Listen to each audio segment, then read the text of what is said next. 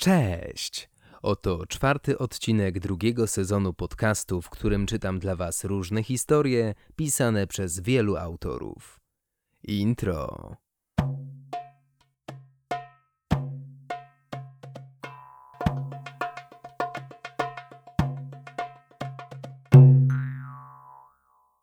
A dziś w oczytanym kameleonie będziemy mieli szansę zapoznać się z tekstem pod tytułem Wielka wędrówka gerufagów autorstwa Sylwii Finklińskiej. Tekst ten wziął udział i dostał pierwsze miejsce w synestezyjnym konkursie literackim, a zainspirowany został utworem Marcina Przybyłowicza The Witcher Free Wild Hunt The Fields of Art Skellig. A teraz kilka słów o samej autorce. Analityczny umysł, od dzieciństwa karmiony fantastyką ze stopniowo rosnącą domieszką tekstów popularno-naukowych. Interesuje się różnymi dziwacznymi dziedzinami, przechowuje w pamięci tysiące dowcipów i mniej, zdecydowanie częściej, lub bardziej przydatnych informacji. Daty przyjścia na świat tak bez walki nie poda. Debiutowała w 2019 roku opowiadaniem Zbrodnia – w antologii Toy Stories. A teraz, nie przedłużając, zapraszam do słuchania. Z kroniki leśno-parkowych gerufagów. Fragment Wucabia. W erze bogactwa rósł las, który nie miał krańców, a od korzeni potężnych drzew po najcieńsze gałązki na ich czubkach przepełniały go smakowite i pożywne zapachy. Musimy stąd uciekać. Czyż to nie jest dla ciebie oczywiste? Bezkształtne ciało Wucabia wisiało w powietrzu, wysuwało wypustki to w jedną stronę, to w drugą, poszukując śladu interesującego zapachu. Jest oczywiste, odparł Guidanto, dokładając starań, aby nie przybrać liliowego koloru znudzenia jako nieformalny przywódca fagów nie powinien okazywać negatywnych uczuć, przynajmniej nie za często. Lecz Wucabio nie ułatwiał zadania. Ale przecież nie możemy uciekać w ciemno, prawda? Najpierw trzeba rozstrzygnąć szereg kwestii. Jakich znowu kwestii? Omawialiśmy je już mnóstwo razy. Po pierwsze, Leto Pico nigdy nie zgodzi się na porzucenie kroniki. Po drugie, nasz skrawek parku ze wszystkich stron otaczają trujące wyziewy ludzi. Guidanto poczuł, że podstawy kolców, z których się składał, nieubłaganie przechodzą w fiolet. Póki co znudzenie pozostawało niewidoczne dla otoczenia, ale obawiał się, że nie zdoła utrzymać tego stanu wystarczająco długo. Potrzebował jakiejś innej emocji, natychmiast, choćby gniewu. Zaatakował więc pytaniami w jakim kierunku powinniśmy powędrować. Zapewne gdzieś znajdziemy enklawy zdrowych aromatów, ale gdzie są najbliższe? Czy to nie ty obiecałeś, że poszukasz ochotników do zbadania okolic? Wucabio zafalował z niechęcią, wypustki cofnęły się, jakby oparzone. Żaden fak nie chce sprawdzać, co kryje się za horyzontem – i nie trudno zgadnąć dlaczego, to zbyt niebezpieczne. Pamiętamy, że dawno temu wielu z naszych powędrowało w nieznane i już nie wróciło. To prawda. W takim razie może chociaż znalazłeś jakiś argument do przekonania Letopika. O fagu mowa, a faktu? Guidanto obrócił się wymachując kolcami. Rzeczywiście, do rozmawiających pędził Letopiko. Jego spiralne ciało świeciło intensywną purpurą mieszanką gniewu i smutku. Skręcał się i prostował, by jak najprędzej szybować przez powietrze. Co się stało? krzyknęli obydwaj. Straciliśmy Frandemo, wydyszał Letopiko. Pozostali fagowie zsinieli z żalu. Jak do tego doszło? zapytał Guidanto. Mały człowiek wyjął coś, co pachniało słodko i zdrowo. Ni to kwiaty, ni owoce, bardzo kuszące. Włożył sobie do paszczy, Frandemo koniecznie chciał spróbować. Aromat był piękny, ale wyczułem trującą sztuczną nutę i go powstrzymałem. Oplotłem go całego, bardzo się szarpał, omal mnie nie przerwał. W końcu zrozumiał i przestał się wyrywać, więc go puściłem. A wtedy człowiek na powrót wypchnął sobie to coś z paszczy. Ale ono zrobiło się ogromne, większe niż cały czubek ciała człowieka. Jak to pachniało! Frandemo nie wytrzymał i przylgnął do tej rzeczy. Natychmiast zaczął rosnąć. Aromat musiał być bardzo pożywny, ale silnie trujący. Biedak wkrótce przybrał jadowicie zielony kolor. Wiecie, co to oznacza. Kolejny fak stracony, westchnął Wucabio. Od dawna powtarzam, że powinniśmy się stąd wynosić. A co z kroniką? Jęknął Letopiko, przybierając ciemnozielony kolor strachu. Nie zabierzemy jej ze sobą, jest za ciężka, a to przecież cała nasza historia, źródło pamięci. Nikt nie spamięta, kim był i co myślał przed pięcioma czy dziesięcioma podziałami. Kronika Gerufagów mieściła się na kamieniu pod mostem nad parkowym stawem. Już wieki temu uznano, że to doskonałe miejsce, zabezpieczone przed deszczem, śniegiem i ptasimi odchodami. Zbyt ciemne dla roślin i porostów, położone w pobliżu środka parku, gdzie nie zagrażały niebezpieczeństwa z zewnątrz. Nawet wszędobylscy ludzie nigdy tam nie zaglądali. Rozmawiałem wczoraj z Sagio, odpowiedział Giudanto. Zaproponował, żeby Fak nauczył się fragmentu kroniki na pamięć. Po dotarciu na nowe miejsce spiszesz ją od nowa. Letopiko zastanawiał się przez chwilę. Kronika jest bardzo długa, a nas zostało zbyt mało. Wobec tego wybierz najistotniejsze informacje, burknął Wucabio. Nad czym się tu zastanawiać? Musimy się jeszcze zdecydować na jakiś rozsądny kierunek ucieczki. Guidanto wolał dosłownie zinterpretować słowa przedmówcy, by zażegnać pączkującą kłótnię. To nie spytamy o to hajusty? Zdziwił się Letopiko. Pozostali fagowie rozbłysnęli łososiowym kolorem ciekawości z żółtymi centkami radości, momentami przechodzącej w zieloną nadzieję. A możemy o to po prostu spytać?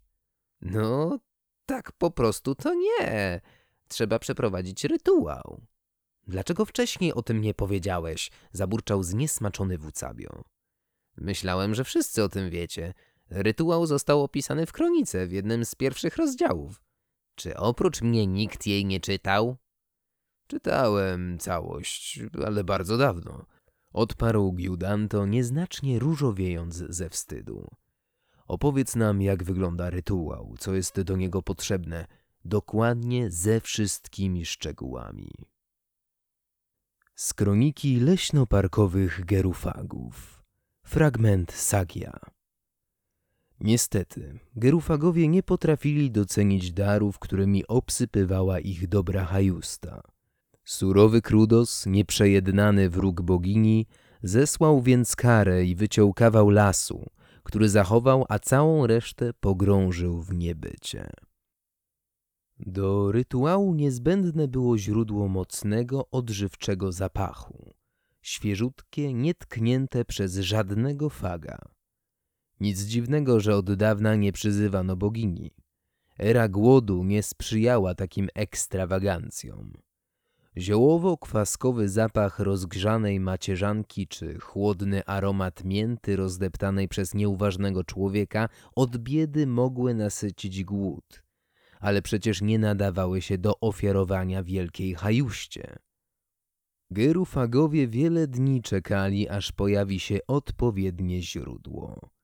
Raz bardzo mały człowiek upadł i wydobył z siebie smuszkę tłustego i pożywnego, słono-metalicznego zapachu krwi.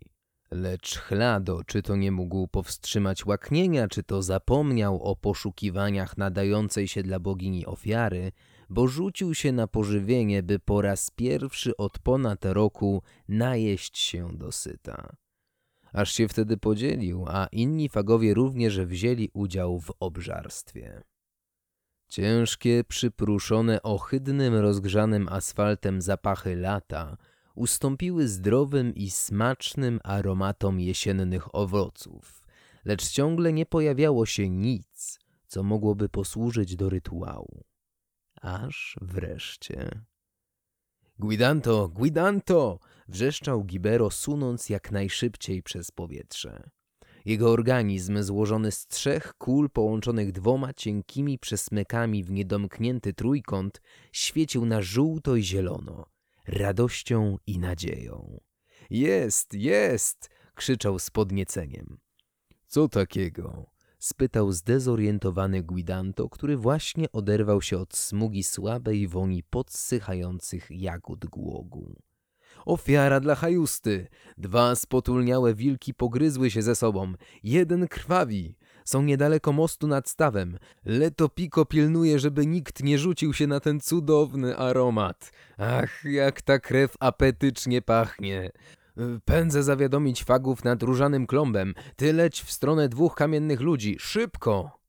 Kiedy Guidanto wraz z trzema napotkanymi fagami dotarł na miejsce, pozostali już zdążyli się zebrać. Letopiko, płonąc żółto-pomarańczową niecierpliwością, machał końcem ciała na grupkę spóźnialskich. Fagowie otoczyli krynicę oszałamiającego zapachu. Tłustego, bogatego w energię aromatu krwi, dodatkowo doprawionego ostro smakującą wściekłością i słonym bólem. Coraz trudniej było powstrzymać się przed uszczknięciem choćby odrobinki – w pobliżu tak nęcącego posiłku głód krzyczał głośniej niż poczucie obowiązku. Tylko gniewne pomruki Wucabia, apele Guidanta oraz biadolenie Letopika zapobiegły katastrofie. Co teraz? Co dalej? dopytywali słabiej zorientowani w przebiegu rytuału. Musimy utworzyć ze wszystkich fagów krąg dookoła źródła, tłumaczył niecierpliwie Letopiko. Szybko, zanim ktoś z was nie pohamuje apetytu. Ranka na karku zwierzęcia nie była duża, lecz fagów została tak nędzna garstka, że zadanie nie należało do łatwych. Niby nóżki chwytały wici, rzęski sąsiadów splatały się ze sobą, ciała rozciągały się maksymalnie. Letopiko zamiast spirali przybrał kształt ledwie falującej linii. Wreszcie udało się domknąć krąg. Teraz obracamy się zgodnie z ruchem słońca po niebie – podpowiadał Letopiko. Ostrożnie, żeby nie przerwać koła. Tak, dobrze. I coraz szybciej. Trudno było rozpędzić krąg przy takim mocnym rozciągnięciu organizmów. Nie zostało ani odrobiny swobody, by skurczyć się, a potem rozprostować, by stworzyć wiosłującą niby nóżkę. Ale niektórzy fagowie mieli wolne wici i rzęski. Te machały rozpaczliwie, z wysiłkiem odpychały się od powietrza i sierści zwierzęcia, powoli nadając przyspieszenie całej splecionej grupce. Guidanto już wcześniej przemyślał sobie, co powinien powiedzieć podczas rytuału. Na sygnał Letopika rozpoczął inkantację. O boska Hajusto, która jesteś piękna i dobroć, której nie zna granic. Oto garstka twoich wiernych wyznawców ofiarowuje ci sycący i tłusty zapach krwi, nietknięty dotychczas przez żadnego gerufaga. Przyjmij go, skosztuj, posil się i dorać swojemu ludowi, co powinien uczynić, dokąd się zwrócić, skoro park stał się za mały, by wyżywić nasze plemię.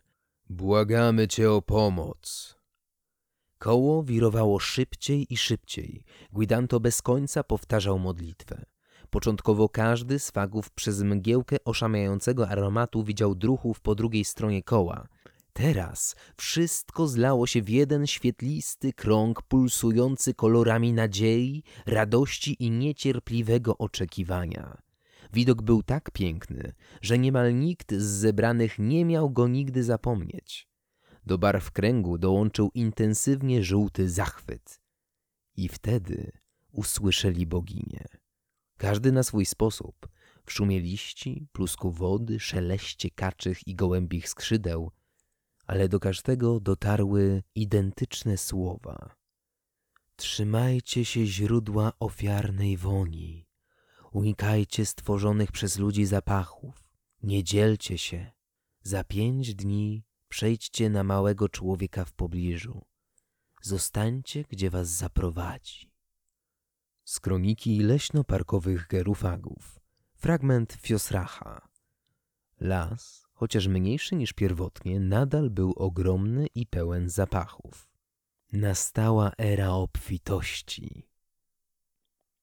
Źródło ofiarnego zapachu, stosunkowo mały i raczej pokraczny spotulniały wilk, zapewne szczenie, zaprowadziło gerufagów do siedziby ludzi. podróż minęła bez większych trudności, a nawet dość wygodnie. Fagowie uchwycili się długich kudłów i tylko co odważniejsi wychylali się, by patrzeć na szybko uciekające w tył drzewa i podejrzanie równo poukładane kamienie. Ludzie zamieszkiwali dziwaczną siedzibę. Stosunkowo niewielką, choć mieścili się w niej bez najmniejszych problemów. Całkowicie pozbawioną drzew i ściśle ograniczoną ogromnymi, płaskimi, kamiennymi lub przezroczystymi powierzchniami – lecz tętniącą od aromatów. Czego tam nie było? Blisko czegoś zastępującego ziemię i trawę, na jednych kawałkach gładkiego jak ociosane kamienie, na innych kosmatego niczym bardzo krótko przystrzyżona drobniutka trawa, pachniało cytrusami. Niby zdrowo, lecz z domieszką chemicznej trucizny. Tam, gdzie najczęściej przebywał spotulniały wilczek, dominowała słona woń potu i futra, doprawiona słodkawym szczęściem i beztroską. Każdy kawałek przestrzeni miał swoją nutę. Tu gęsty i ciężki zapach nasienia z silną domieszką korzennego pożądania, ówdzie ostry i nieprzyjemny metal w stężeniu dotychczas nieznanym gerufagom, jeszcze gdzie indziej swojskie, acz niejadalne wonie błota i wilgoci. U ludzi nawet ogień wydzielał aromat i to zmieniający się za każdym razem. Czasem słodki, lawendowy lub wiśniowy, kiedy indziej pożywny, lecz gorzkawy młodych igieł sosnowych. Najbogatsze i najbardziej sycące wonie kłębiły się w szczególnej części ludzkiej siedziby, gdzie mieszkańcy chętnie się gromadzili. Niektóre z łatwością rozpoznawalne, cały bukiet rozmaitych owoców, włączając wiele wcześniej niespotkanych, lecz nieodparcie kojarzących się ze swojskimi. Wiele roślinnych korzeni, bulw, nasion i jagód. Cała gama zasuszonych i rozdrobnionych listków, które jednak nadal rozsiewały apetyczne sygnały. Tłusty zapach mięsa, lecz odmieniony, bo niemal całkowicie pozbawiony krwi, jakby wysuszony. Kilku fagów skusiło się na ten aromat – Pozostali z niepokojem obserwowali skutki, lecz obyło się bez niepożądanych efektów, więc wkrótce wszyscy, oprócz wucabia sarkającego, że hajusta tego zakazała, dołączyli do uczty. Dawno się tak nie najedli. Do syta, do przesytu, aż do granicy podziału. Niedługo później pojawił się nowy, fascynujący aromat – niby pszeniczny, ale z dodatkiem innych zbóż i obcymi, ciepłymi domieszkami, jakby płynącego węgla i pożaru lasu z odrobiną drożdży. Nie ruszaj tego, to zbyt ludzki pokarm. Hajusta zakazała nam próbowania, powtarzał Letopiko każdemu, kto chciał albo i nie chciał słuchać. Wbrew przestrogom przyjaciół Chlado skosztował odrobinę. Nic złego mu się nie stało. Jego ciało w kształcie dwóch podłużnych kropel połączonych wąskim przesmykiem rozjarzyło się ciemnożółtym zachwytem.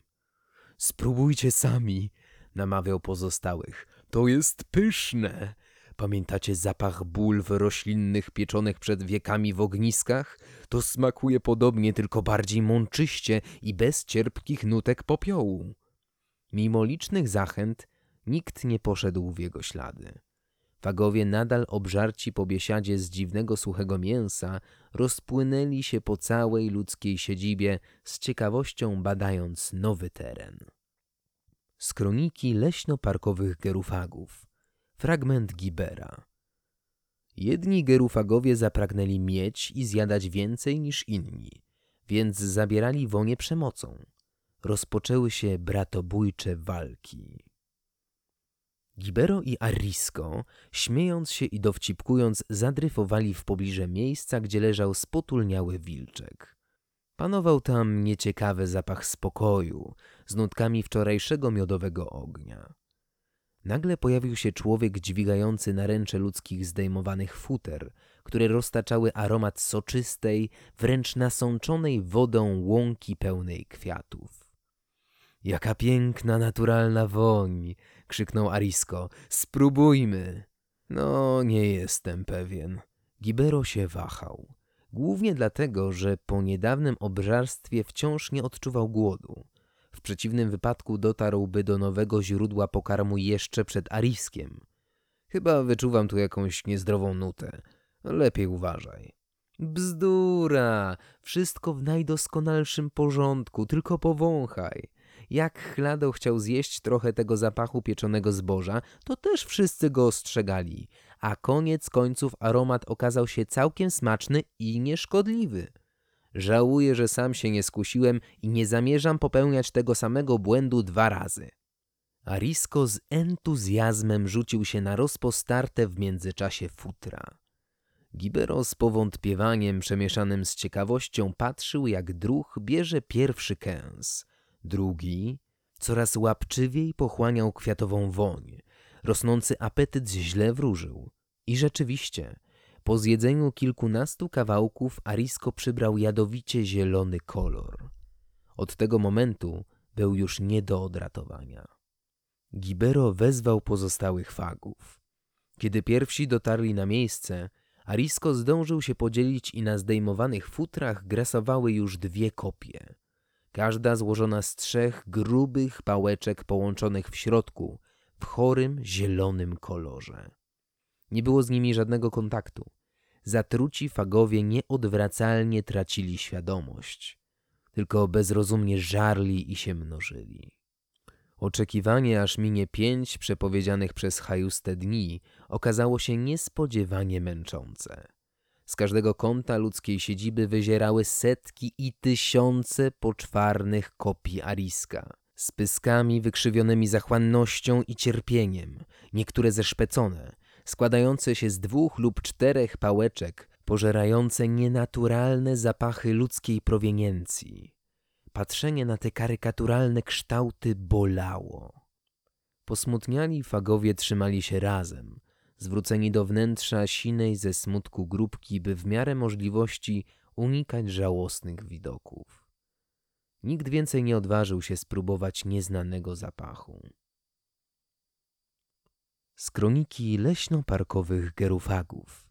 Fragment Ariska. Fragment przepadł bezpowrotnie. Wszystko się kiedyś kończy, więc i niezmiernie długie pięć dni wreszcie dobiegło kresu.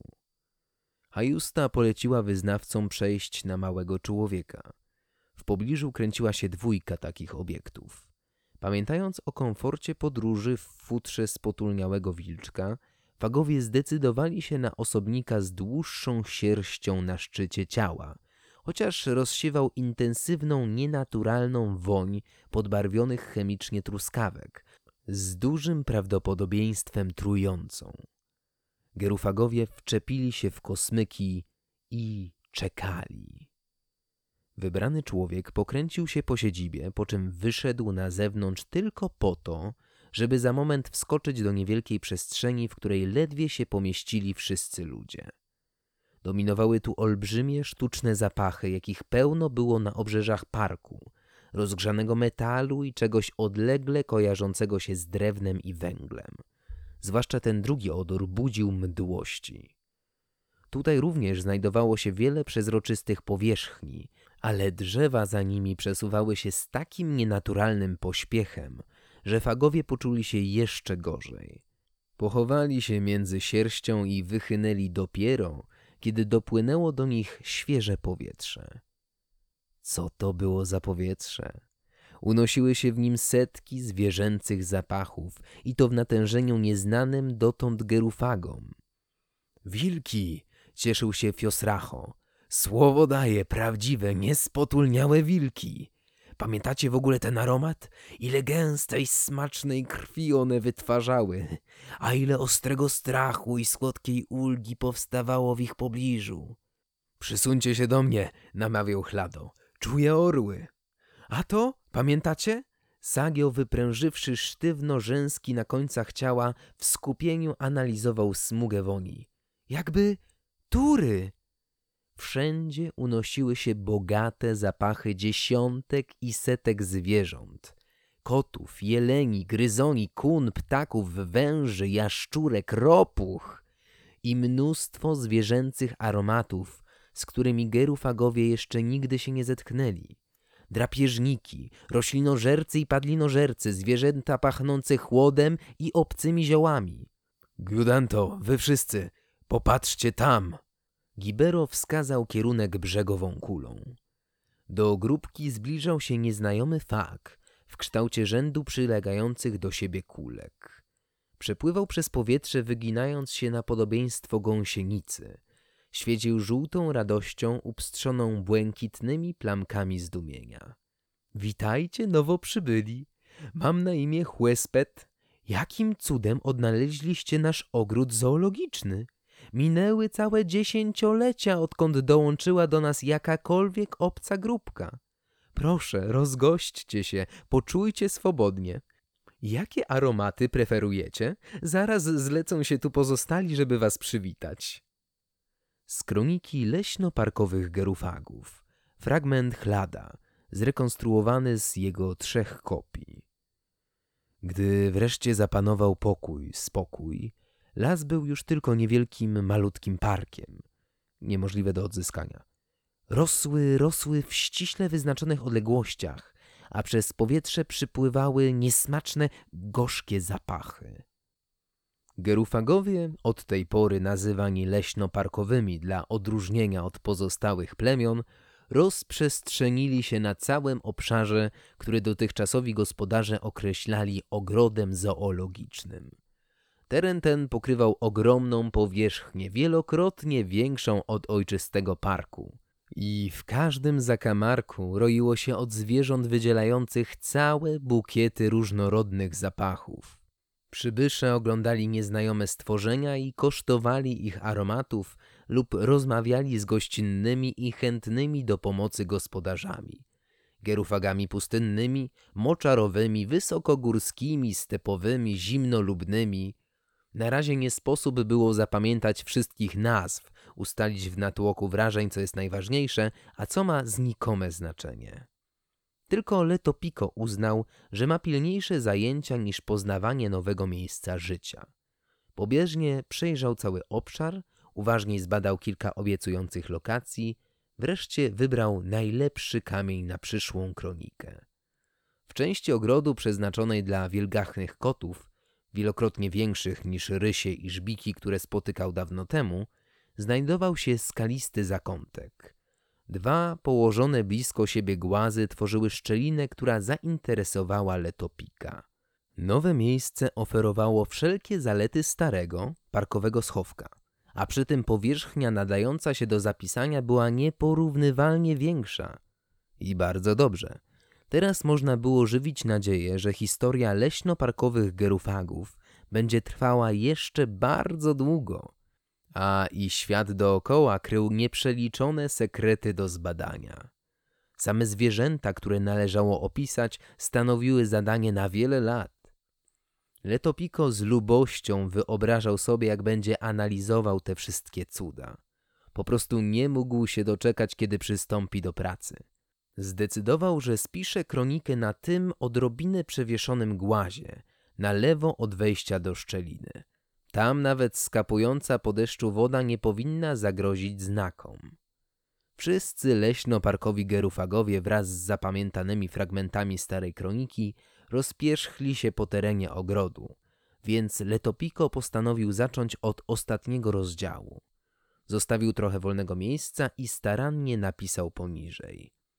Wielka wędrówka leśno-parkowych gerufagów. Potem mniejszymi literami kontynuował. Musimy stąd uciekać. Czyż to nie jest dla ciebie oczywiste? Bezkształtne ciało Wucabia wisiało w powietrzu, wysuwało wypustki to w jedną stronę, to w drugą, poszukując śladu interesującego zapachu. I to by było na tyle. Dzięki za wysłuchanie tego odcinka.